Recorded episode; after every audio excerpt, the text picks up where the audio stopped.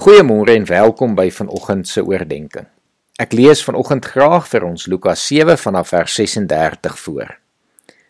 Een van die Fariseërs het hom genooi om by hom te kom eet. Hy het toe in die huis van die Fariseër ingegaan en aan tafel plek ingeneem. 'n Sekere vrou in die dorp wat 'n sondige lewe gelei het, het gehoor dat hy in die Fariseër se huis aan tafel was. Sy bring toe 'n albaste flessie met reukolie en gaan staan agter Jesus by sy voete en huil.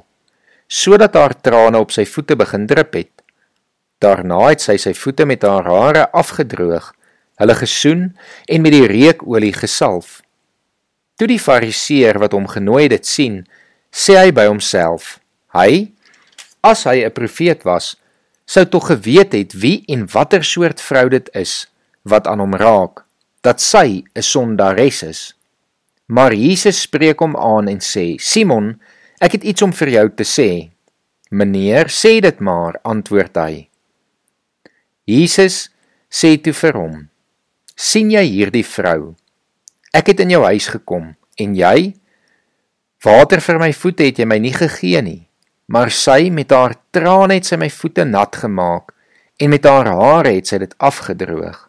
'n soen het jy my nie gegee nie, maar sy het vandat sy hier ingekom het, nie opgehou om my voete te soen nie.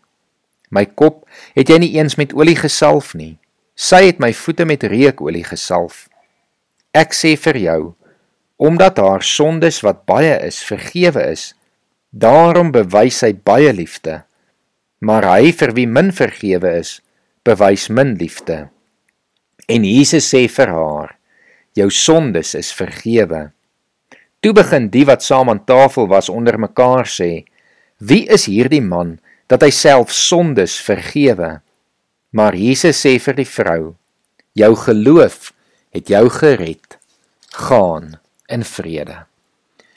Die vrou, wat waarskynlik 'n prostituut was, het haar eie sonde besef en as gevolg van Jesus se boodskap van bekering en liefde verander. Sy het baie oortredinge gehad, maar het werklike berou getoon deur Jesus in liefde en met trane te bedien. Sy het 'n groot kans gewaag omdat ander geweet het wie sy was en hoeveel die geskenk wat sy aan Jesus gegee het werd was. Hulle kon allerlei dinge dink, maar sy het net op Jesus gefokus. Nie op wat mense gepraat, gesê of gedink het nie ten spyte daarvan dat Jesus alles van haar geweet het, het hy haar nie weggestuur nie, maar haar eerbetoning onvoorwaardelik aanvaar. Hy bevestig sy aanvaarding deur haar sonde te vergewe. Baie mense sou gemeen het dat die feit dat sy aan Jesus geraak het, Jesus onrein geword het. Maar met Jesus werk dit anders. Jesus word nie onrein nie maar maak die vrou rein omdat hy so heilig is. Wat 'n wonderlike beeld van Jesus se genade en bereidwilligheid om ons elkeen te vergeef indien ons bloot ons sondes voor hom bely en bewys dat ons vir hom lief is. Weet vandag dat Jesus ook jou weer rein kan en sal maak. Kom ons bid saam. Here Jesus, dankie vir u ongelooflike liefde. Here, dankie dat u ons sondes vergewe en dat u ons vryspreek, Here. Here, dankie dat ons kan weet dat u nooit dit teen ons hou nie en dit nooit voor ons gaan bring nie. Maar Here, dat ons vandag deur u rein en heilig verklaar is.